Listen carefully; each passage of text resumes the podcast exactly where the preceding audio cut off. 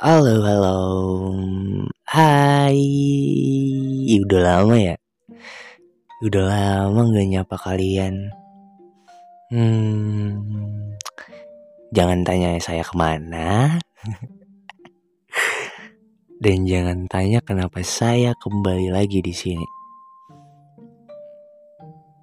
Apa kabar kalian? Semoga baik-baik aja ya. I hope so.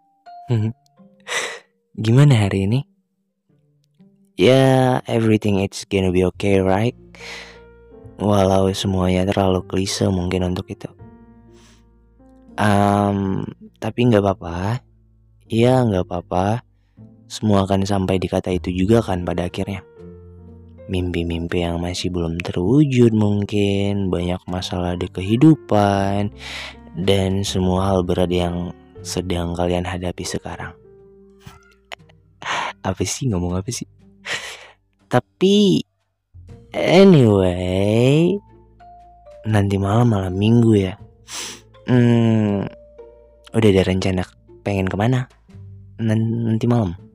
Atau pengen melakukan apa gitu atau masih aja tiduran di rumah sambil nungguin notif dari dia?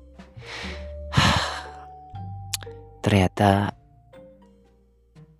selama ini kalian tetap aja kayak gitu ya? Tetap nungguin hal-hal yang gak pasti tetap nyakitin diri sendiri. Oh, just kidding. Tapi kalau ngomong-ngomong soal tiduran pernah nggak sih kalian merasa hal sederhana kayak gitu tuh malah yang paling membantu kita dalam banyak hal semisalnya aja yang paling sering tuh ya ngebantu kita waktu lagi capek. Ya capek sama semua hal yang ribet, yang membuat kepala pusing. Kayaknya nggak tahu kenapa tiduran tuh obat dari itu semua ya. Hmm, nggak tahu ya cuma aku sendiri yang ngerasain atau kalian ngerasain hal yang sama juga.